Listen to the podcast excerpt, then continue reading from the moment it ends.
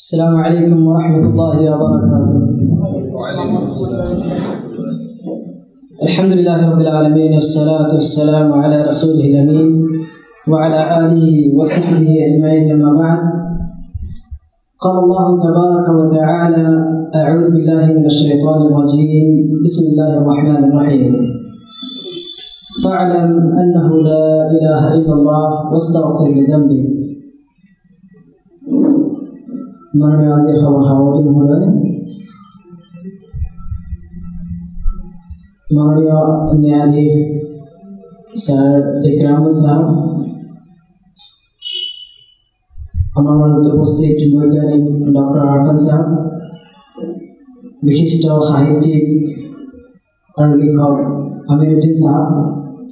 আৰু আমাৰ দূৰ দূৰণিৰ পৰা অহা অতিথিসকল আজিৰ বিষয়বস্তু যিহেতু নিৰ্ধাৰিত দুটা বিষয়বস্তু বাছনি কৰা হৈছে। কিন্তু এডমিন ছাৰৰ আদেশত মোক আৰু এটা টপিক দিয়া হৈছে সেইটো হৈছে তহিদ। লগতে এই দুটা বিষয়বস্তু থাকিব ইনশাআল্লাহ আৰু মই অতি চমুকৈ বিষয় দুটা বিশ্লেষণ কৰাৰ চেষ্টা কৰিম ইনশাআল্লাহ যিহেতু ইছলাম ধৰ্মৰ মূল বস্তুৱেই হৈছে তহিদ। আৰু এই তহিদৰ কাৰণেই বিভিন্ন সময়ত নবী কৰিম চাল্লাহ আলী চাল্লামৰ জীৱনত যুদ্ধ বিগ্ৰহ হয়। এই তহিদৰ খাতিৰতেই বদৰৰ যুদ্ধ সংগঠিত হয়। এই তহিদৰ খাতিৰতেই নবী কৰিম চাল্লাহ আলী চাল্লাম নিজৰ প্ৰিয় ভূমি মক্কানগৰ এৰিব লগা হয়। এই তহিদৰ খাতিৰতেই বিলাল বাজি আল্লাহতে আলা আনহু বিভিন্ন ধৰণৰ শাস্তি ভোগ কৰিব লগা হয়। আৰু চাহাবাই কেৰাম বাজি আল্লাহতে আলা আনহু তেখেতসকলেও বিভিন্ন ধৰণৰ শাস্তিৰ মুখামুখি হৈছিল কিন্তু আজি আমি মুছলিমসকলে সেই তহিদ সম্বন্ধে জানো কিমান। আল্লাহ আলমিনে কৈছে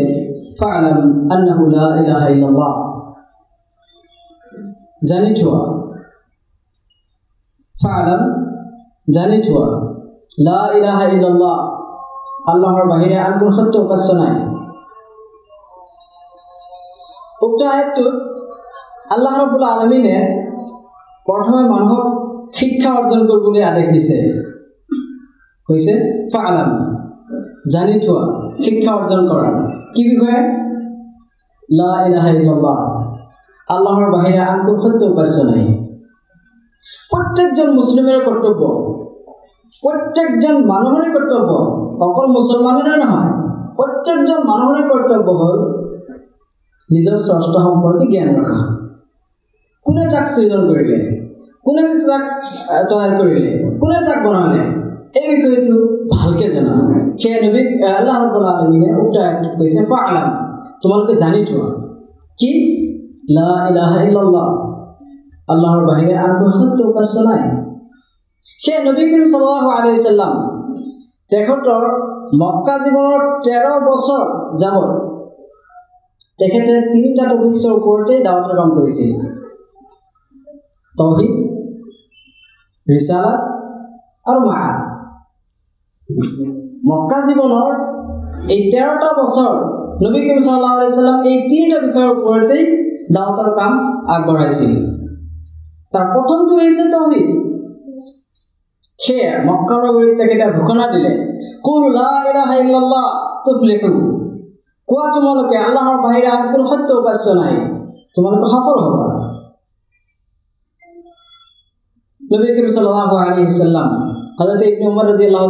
বৰ্ণনা কৰে তেখেতে কৈছে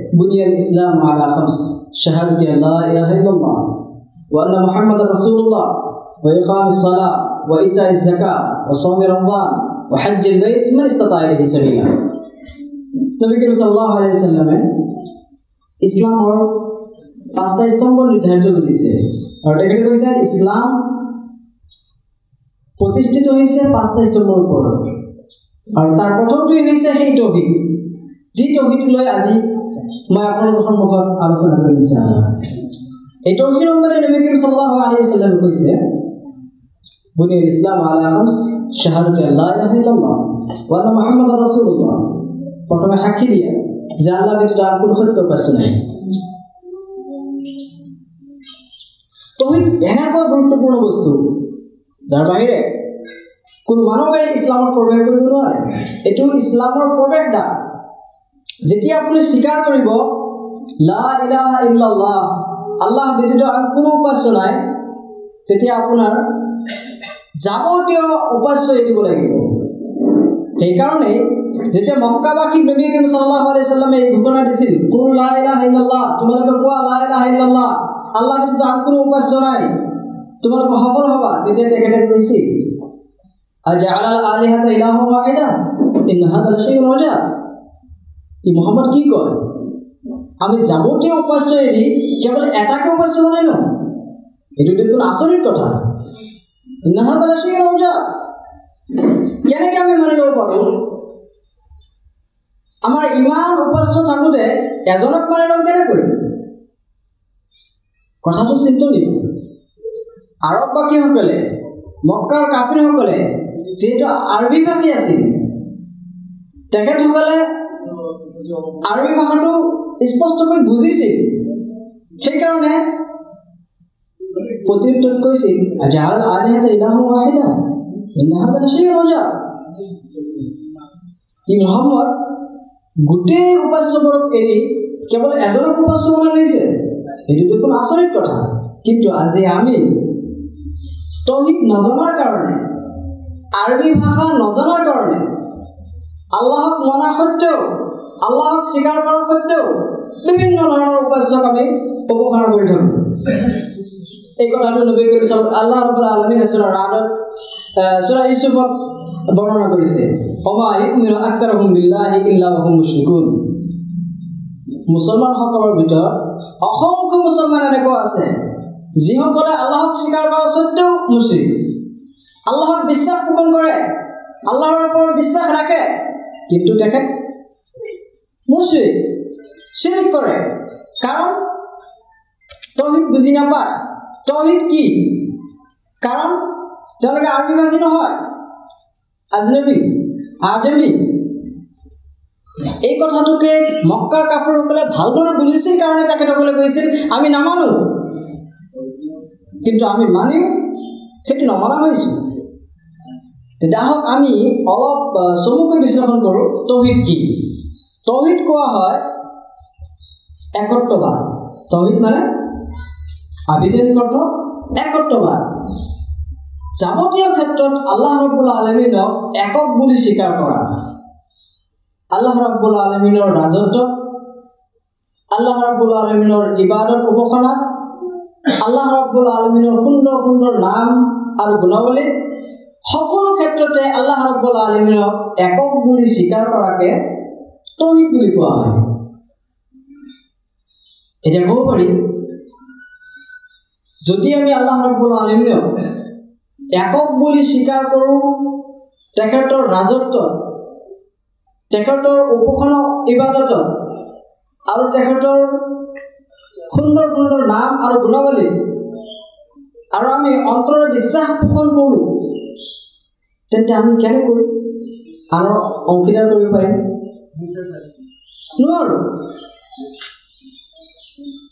আহিলে এইসকলে বিজ্ঞসকলে তহিদৰ তিনিটা প্ৰকাৰ কৰিছে। এটা প্ৰকাৰ তহিদে ৰুবুয়া ৰাজত্বৰ একত্ববাদ স্বীকাৰ কৰা।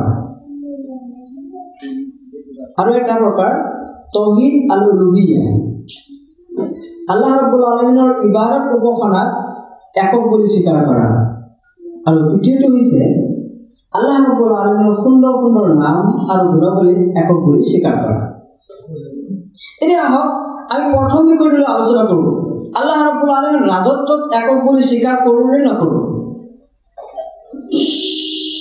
আল্লাহ রব্বুল আলামিনে কইছে الذي جعل لكم الارض فراشا والسماء بناء وانزل من السماء ماء فاخرج لكم فاخرج لكم من فاخرج لكم من الثمرات আল্লাহ ৰব্বুল আলামিনে কৈছে সেই কৰ্তা যিয়ে তোমালোকৰ বাবে মানে আকাশখনক চাৰ বনাই দিছে আকাশক বনাই দিছে তাৰ পৰা বৰষুণ বৰষায় আৰু তাৰ পৰা বিভিন্ন ধৰণৰ ফল মূল উৎপাদন কৰে যিটো তোমালোকৰ খাদ্য যিটো তোমালোকৰ খাদ্য এইটো আল্লাহ ৰব্বুল আলমিনৰ এটা নিয়ামত আমি স্বীকাৰ কৰোঁ আল্লাহ ৰব্বুল আলমিন আমাৰ শাৰীৰিক ইয়াৰ আগৰ আয়াতত আল্লাহ ৰাব্বুল আলামিনে কৈছে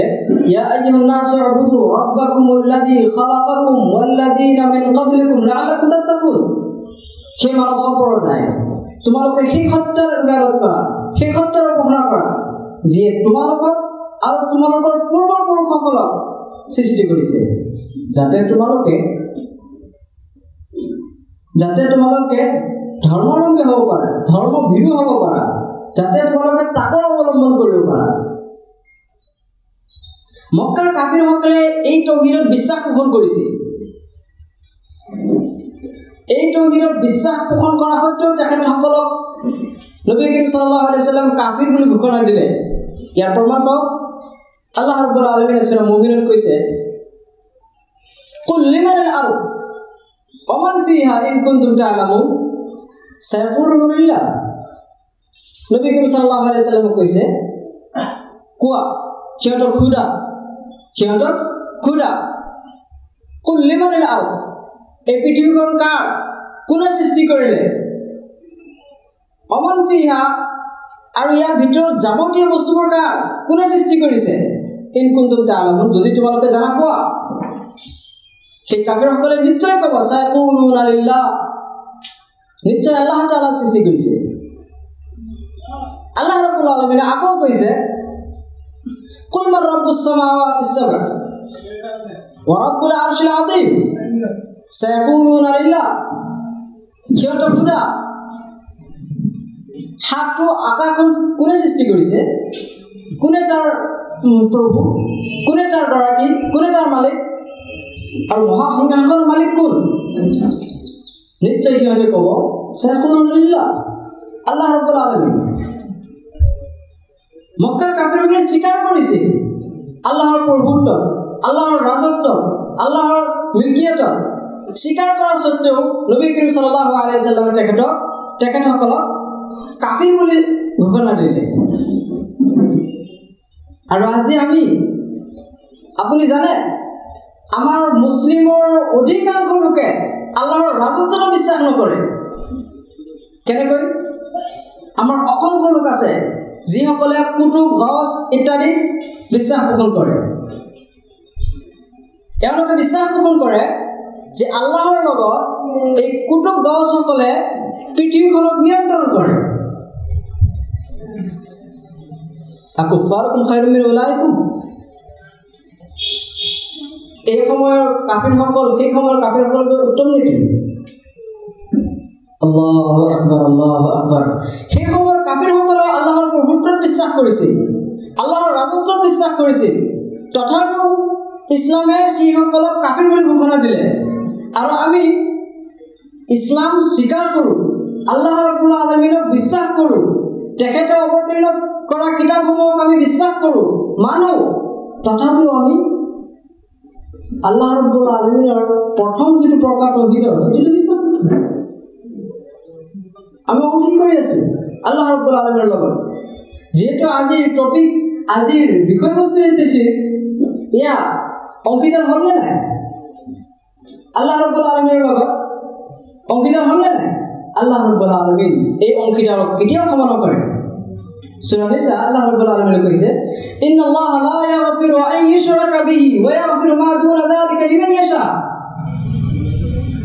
আল্লাহ লা তেখেতৰ লগত অংশীদাৰ স্থাপন কৰা কোনো গুণাহকে ক্ষমা নকৰে।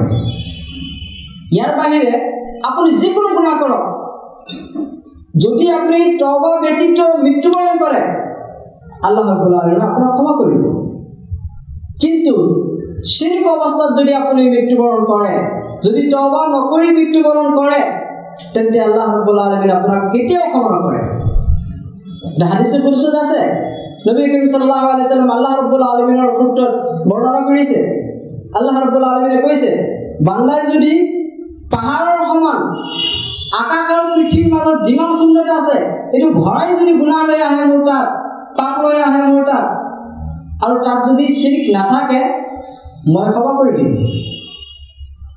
কিন্তু যদি চিৰিক আনে মই কেতিয়াও ক্ষমা নকৰোঁ চুৰামাইদাত আল্লাহ ৰবুল আলমিনে কৈছে إنه من يشرك بالله فقد حرم الله عليه الجنة ومأواه النار وما للظالمين من أنصار আল্লাহ ৰব্বুল আলমিনে কৈছে যিয়ে আল্লাহ ৰব্বুল আলমিনৰ লগত আনক অংশীদাৰ স্থাপন কৰে আল্লাহে তাৰ ওপৰত জান্নাত হাৰাম কৰি দিয়ে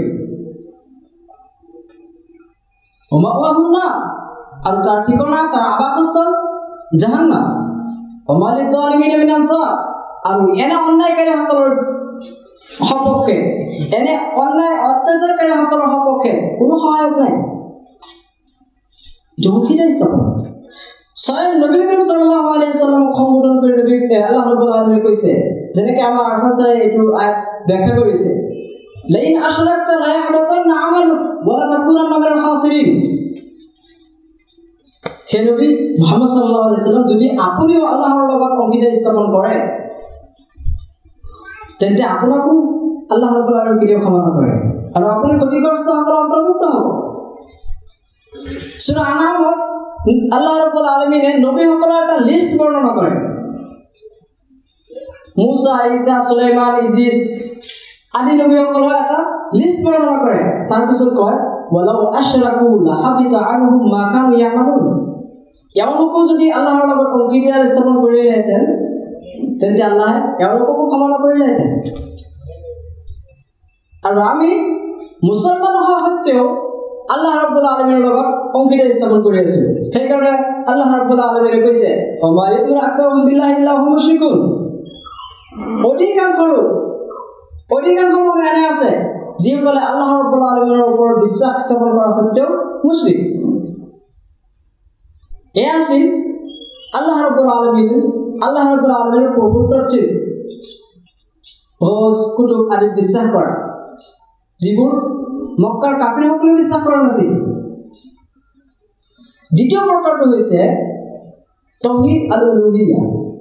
আল্লাহ ৰব্বুল আলমিনৰ ইবাদত উপাসনাত একত্ব বুলি স্বীকাৰ কৰা আল্লাহ ৰব্বুল আলমীক একক বুলি স্বীকাৰ কৰা আল্লাহ ৰব্বুল আলমিনে কৈছে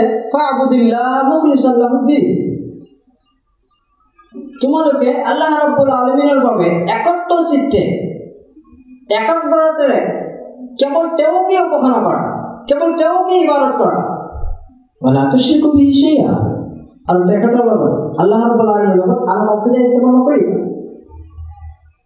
মক্কাৰ কাফিৰসকলে আল্লাহ ৰব্বুল আলমিনৰ প্ৰভুত্বত বিশ্বাস কৰিছিল। কিন্তু তেওঁলোকে ইবাদতত আল্লাহ ৰব্বুল আলমিনৰ অংশীদাৰ স্থাপন কৰিছিল। তেখেতক যেতিয়া কোৱা হৈছিল এই শিল্প সম্বন্ধে যে আল্লাহৰ লগত অংশীদাৰ স্থাপন নকৰিবা তেখেতে তেতিয়া কৈছিল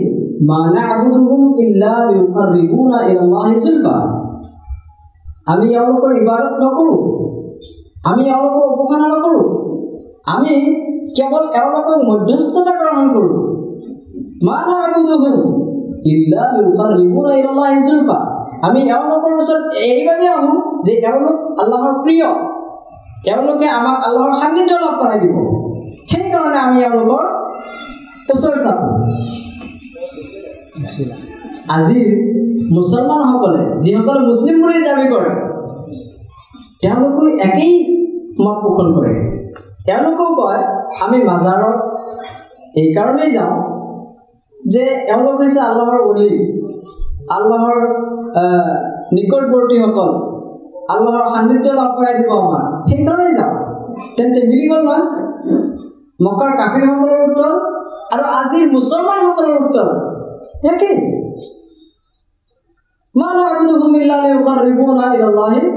জুলফা আল্লাহ রাব্বুল আলামিন কৈছে ওয়া ইয়াবুদুনা মিন দুনিল্লাহি লা ইয়াদুরু মা লা ইয়াদুরু ওয়া লা ইয়ানফাউহু তেওঁলোকে এনে বস্তুৰ ইবাদত কৰে, যিসকলে এওঁলোকক ক্ষতিও কৰিব নোৱাৰে আৰু উপকাৰ কৰিব নোৱাৰে।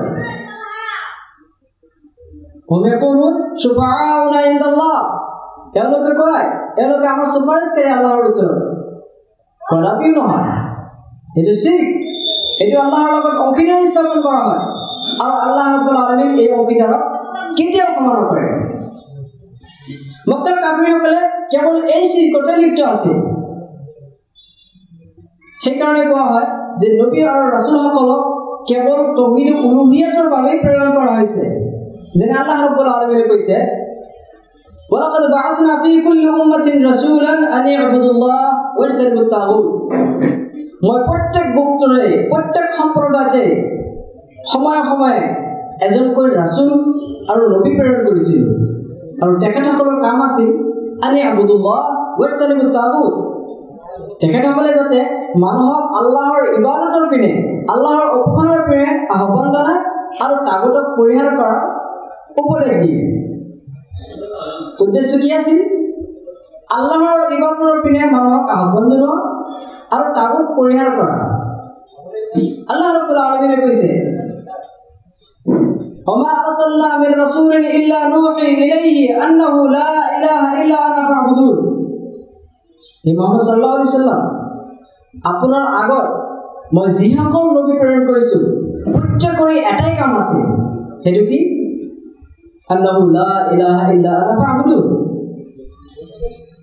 সেইটো ঘোষণা কৰা যে আল্লাহৰ বাহিৰে অৰ্থাৎ আল্লাহে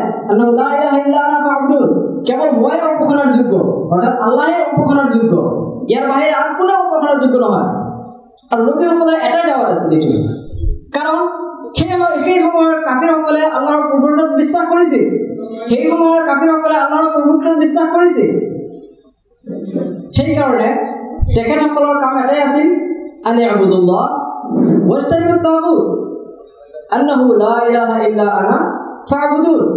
আল্লাহৰ ইবাদতৰ পিনে মানুহক আহ্বান জনোৱা আৰু তাগুতক পৰিহাৰ কৰা লা ইকৰাহা ফিদ্দিন তাৰপিছত এইটো لا إكراه في الدين قد تبين الرشد من الغي فمن يكفر بالطاغوت ويؤمن بالله فقد استمسك بالعروة الوثقى لا انفصام لها আল্লাহ ৰব্বুল আলমিনে কৈছে ফমে ইয়াকুৰ বিত্তাগুত যিজনে তাগুতক পৰিহাৰ কৰিব অৰ্থাৎ আল্লাহ ব্যতীত যিসকলকে উপাসনা কৰা হয় সি যিকে নহওক ফিৰিষ্টা হওক মলাইকা হওক মানে ৰচুল হওক বা কবৰ পূজাৰী অলিয়া হওক যিসকলে হওক ফমে ইয়াকুৰ বিত্তাগুত যিসকলে তাগুতক পৰিহাৰ কৰে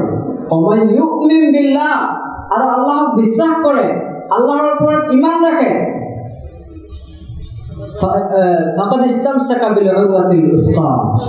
তেখেতসকলে এনে এটা ৰচিদ মজবুতকৈ ধৰিলে লাম বলা যিটো কেতিয়াও নিচিঙিব আৰু সেইটো কি?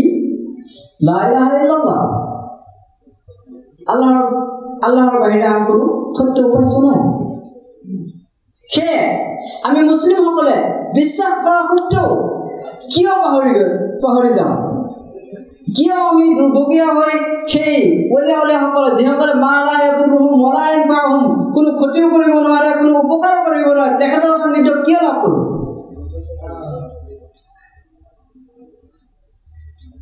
আমি সেই আৰৱ দেশৰ কাফিৰসকলতকৈ নিকৃষ্ট নে উৎকৃষ্ট? নিজে চিন্তা কৰক। তৃতীয় প্ৰকাৰটো হৈছে আল্লাহ ৰবুল্লা আলমিনৰ সুন্দৰ সুন্দৰ নাম আৰু তেখেতৰ গুণাৱলী একক বুলি স্বীকাৰ কৰা তেখেতৰ। ইয়াত আমাৰ কালিয়ে বহু ধৰণৰ প্ৰশ্ন আৰু তাৰ উত্তৰ হৈ গৈছে আমাৰ আলোচনা চক্ৰৰ এই সুন্দৰ নাম লৈ সুন্দৰ নামৰ বিষয়ে আল্লাহ ৰবুল্লা আলমীৰ যেনেকৈ আমি জানো আল্লাহ ৰবুল্লা আলমীৰ নিৰানব্বৈটা নাম আছে। আমি সচৰাচৰ জানি থওঁ যে আল্লাহ ৰবুল আলমিনৰ নিৰানব্বৈটা নাম আছে। কিন্তু কথাটো সঠিক ছাৰ? কথাটো সঠিক? আল্লাহ ৰবুল আলমিনৰ কেৱল নিৰানব্বৈটা নাম? সেইটো এটা মানে নিৰানব্বৈটা নামৰ ওপৰত কৈছে সেই এটা হাদিছটোহে আছে। বাকী বহুত নাম আছে। অঁ। বহুত অগণন নাম আছে। নিশ্চয়। আমাৰ সমাজত এটা ভুল প্ৰথা এটা ভুল ধাৰণা যে আমি জানো আল্লাহ ৰবুল আলমিনৰ কেৱল নাইণ্টি নাইন কথাটো ভুল। কেনেকৈ? হাজৰতে আব্দুল্লাহ ইবনে মাছুদ বৰ্ণনা কৰে। মুছনাদ আহমদৰ হাদিছ। হাদিছটো বিশুদ্ধ। বিশুদ্ধ শব্দত বৰ্ণিত হৈছে সেই হাদিছত কোৱা হৈছে اللهم إني عبدك وابن عبدك وابن أمتك ناصيتي بيدك ماض في حكمك عدل في قضاؤك أسألك بكل اسم هو لك سميت به نفسك أو أنزلته في كتابك أو علمته أحدا من خلقك أو استأثرت به في علم الغيب عندك حديث كويس اللهم ইন্নি আছালোকা বিকুল ইস্মিন হোৱালা হে আল্লাহ মই তোমাৰ যাৱতীয় নামৰ পচিলা তোমাৰ ওচৰত প্ৰাৰ্থনা কৰোঁ। আল্লাহ ইন্নি আছালোকা বিকুল ইস্মিন হোৱালা তোমাৰ সকলো নামৰ পচিলাক মই দোৱা কৰোঁ প্ৰাৰ্থনা কৰোঁ। তাৰপিছত কোৱা আহিছে আৰু আঞ্জাল তেওঁ সেই নামৰ উদ্দেশ্যে দোৱা কৰোঁ সেই নামৰ অচিলাত দোৱা কৰোঁ যি নাম তুমি তোমাৰ কিতাপত অৱতীৰ্ণ কৰিছা। أو أنزلته في كتابك أو علمته أحدا من خلقك অথবা তোমাৰ সৃষ্টিৰ মাজত যদি কোনোবা আমি নজনা কোনো নাম শিকাই দিছা সেই নামৰ ওচৰতো আমি তোমাৰ ওচৰত প্ৰাৰ্থনা জনাওঁ তাৰপিছত কোৱা হৈছে অথবা মই সেই সমূহ নামৰ অচিলাৰে তোমাৰ ওচৰত প্ৰাৰ্থনা জনাওঁ যিসমূহ নাম তোমাৰ ওচৰত তুমি অদৃশ্য কৰি ৰাখিছা। আমি নাজানো কোনো মখলুকে নাজানে কোনো সৃষ্টিয়ে নাজানে। অথচ নবীসকলেও নাজানে। নবী করিম সাল্লাল্লাহু আলাইহি সাল্লামে এই দুয়ারে প্রার্থনা করেছি আল্লাহুম্মা ইন্নী আসআলুকা বিকুল্লি ইসমিন হুয়া লাক সাম্মাইতা বিহি নাফসাক।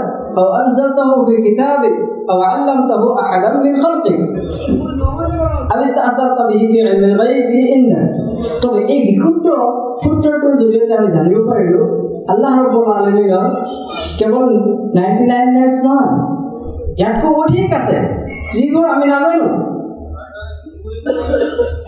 আল্লাহ ৰব্বুল আলমিনৰ এই সুন্দৰ নামৰ জৰিয়তে আমাক দুৱা প্ৰাৰ্থনা কৰাৰ আদেশ কৰিছে আল্লাহ ৰব্বুল আলমিনে আমি বিভিন্ন সময়ত দেখা পাওঁ লোকসকলে দোৱা কৰে পীৰৰ ৰচিলাত বা কোনো অলিয়া উলিয়াৰ ৰচিলাত বা নবী কৰিম চাল্লাহ আলি চাল্লামৰ ৰচিলাত বিভিন্ন ধৰণৰ নামত অচিলাৰে তেওঁলোকে দোৱা কৰি থাকে। অথচ আল্লাহ ৰব্বুল আলমিনে আমাক আদেশ কৰিছে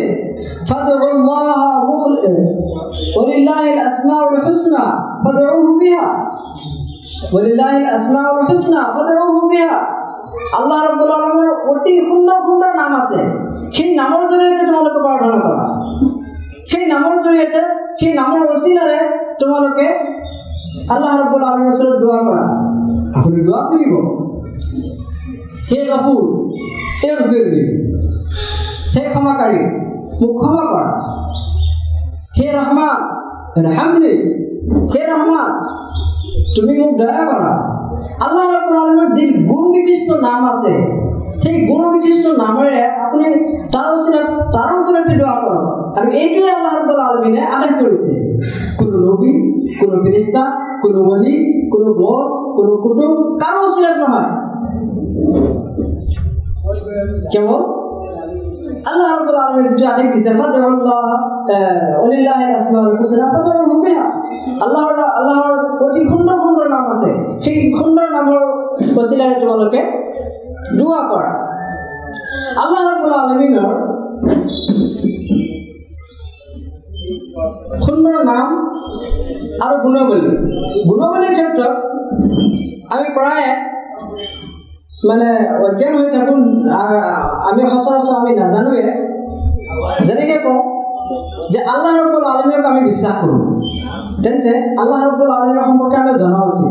যিহেতু মই প্ৰথম আয়টোৱে কৈছোঁ আল্লাহ ৰব্বুল আলমীয়ে কৈছে আলমাত নহ'ল কি তোমালোকে জানি থোৱা তোমালোকে জনা তোমালোকে শিক্ষা লোৱা কি বিষয়ে আল্লাহ আলমীৰ ভিতৰত আন কোনো সত্য উপাস্য নাই আল্লাহ ৰব্বুল আলমীক যে আমি উপাস্য বুলি স্বীকাৰ কৰিছোঁ এতিয়া আমি জানিব লগা হৈছে যে আল্লাহ ৰব্বুল আলমী ক'ত থাকে এটা ইম্পৰ্টেণ্ট মেটাৰ আল্লাহ ৰব্বুল আলমী ক'ত থাকে এই প্ৰশ্নটো যদি আপুনি স্বয়ং কোৰআন মাজিদক প্ৰশ্ন কৰে যে আল্লাহ রাব্বুল আলামিন কোর থাকে তাতে নিশ্চয় কোরআন মাজিদে কব সূরাটা আর রহমান আল আরশি রহমান অর্থাৎ আল্লাহ আরশত বিরাজমান। আল্লাহ আৰু চব বিৰাজমান এই বিষয়ে আল্লাহ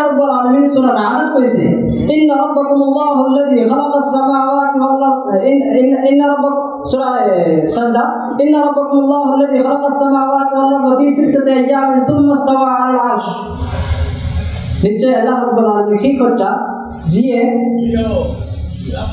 ছয় দিনত আকাশ জমিন সৃষ্টি কৰিলে। তাৰপিছত তেওঁ নিজ সিংহাসনত উপবিষ্ট হ'ল। নিজ সিংহাসনত উপবিষ্ট হ'ল এনেধৰণৰ কোরআন মাজিদত সাতটা আয়াত আছে। ইন্না রাব্বাকুমুল্লাহু আল্লাযী খালাকাস সামাওয়াতি ওয়াল আরদা ফি সিত্তাতি আইয়ামিন থুম্মা ইস্তাওয়া আলাল আরশ। আল্লাহ রাব্বুল আলামিন নিজ সিংহাসনত উপবিষ্ট। সাতটা আয়াত আছে। আৰু এটা পোৱা যায় অহুৱা মাকুম আইনামা কুনতুম? তোমালোকে য'তেই থকা ততে আল্লাহ ৰব্বুল আলমিন আছে। আল্লাহ ৰব্বুল আলমিন তোমালোকৰ লগত আছে আমাৰ সমাজত এটা কথা মানে প্ৰচলিত যিমান কাল্লা সিমানে আল্লাহ? যিমান কাল্লা সিমানে আল্লাহ? অৰ্থাৎ আল্লাহ তালা সকলো জীৱৰ ভিতৰত সোমাই আছে। আল্লাহ ৰব্বুল আলমিন সকলো ঠাইতে আছে। অহমা কুমাই নামা কোনটো তোমালোকে য'তেই থাকা ততেই আল্লাহ আছে। কোনোটো অস্বীকাৰ কৰিলে ক'লে নহয় আৰু ৰহমান আৰু চিস্তাৱা ৰহমান মহাসিংহাসনৰ ওপৰত উপবিষ্ট হৈ আছে। ৰহমান সপ্তম আকাশত উপবিষ্ট হৈ আছে। আল্লাহ ৰব্বুল আলমিন যে সসত্য আছে সেইটো আমি স্বীকাৰ কৰিব লাগিব কাৰণ কোৰণে আমাক কৈছে আল্লাহ ৰব্বুল আলমিনৰ মুখমণ্ডল আছে। কোৰণে কৈছে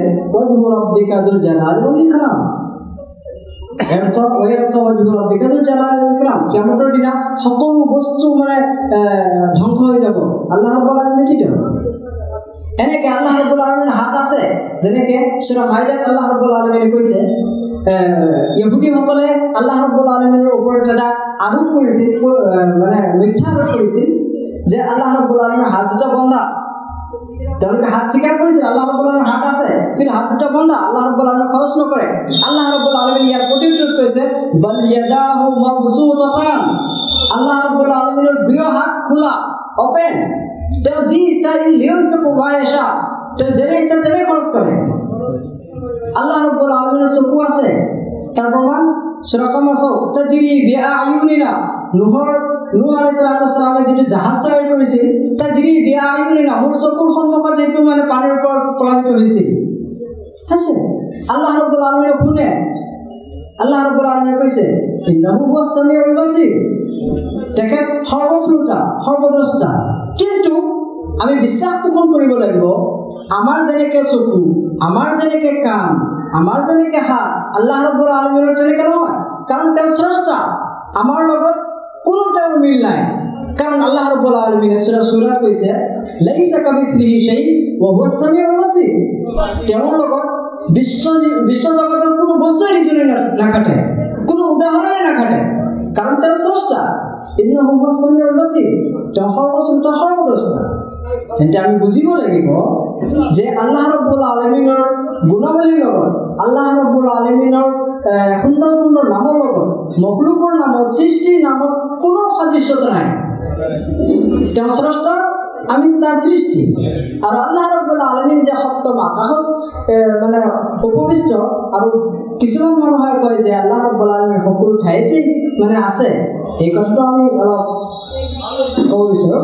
যেনেকৈ চুৰা হাদিৰত কৈ আছে আকৌ আইন আল্লাহ ৰব্বুল আলমিন তোমালোকৰ লগত আছে। এই কথাটো স্পষ্টকৈ আল্লাহ ৰব্বুল আলমিন চুৰা তালাকত কৈছে। আল্লাহ ৰব্বুল আলমিন সপ্তম আকাশত উপবিষ্ট। কিন্তু তেখেতৰ জ্ঞানে তেখেতৰ জ্ঞানে সকলো বস্তুকে আৱৰি আছে। তেখেতৰ জ্ঞানে সকলো বস্তুকে আৱৰি আছে। নবী চাল্লাহ আলাইছালামে এই কথাটোকে কৈছে যে তোমাৰ প্ৰভু কলাও নহয় আৰু অন্ধও নহয়।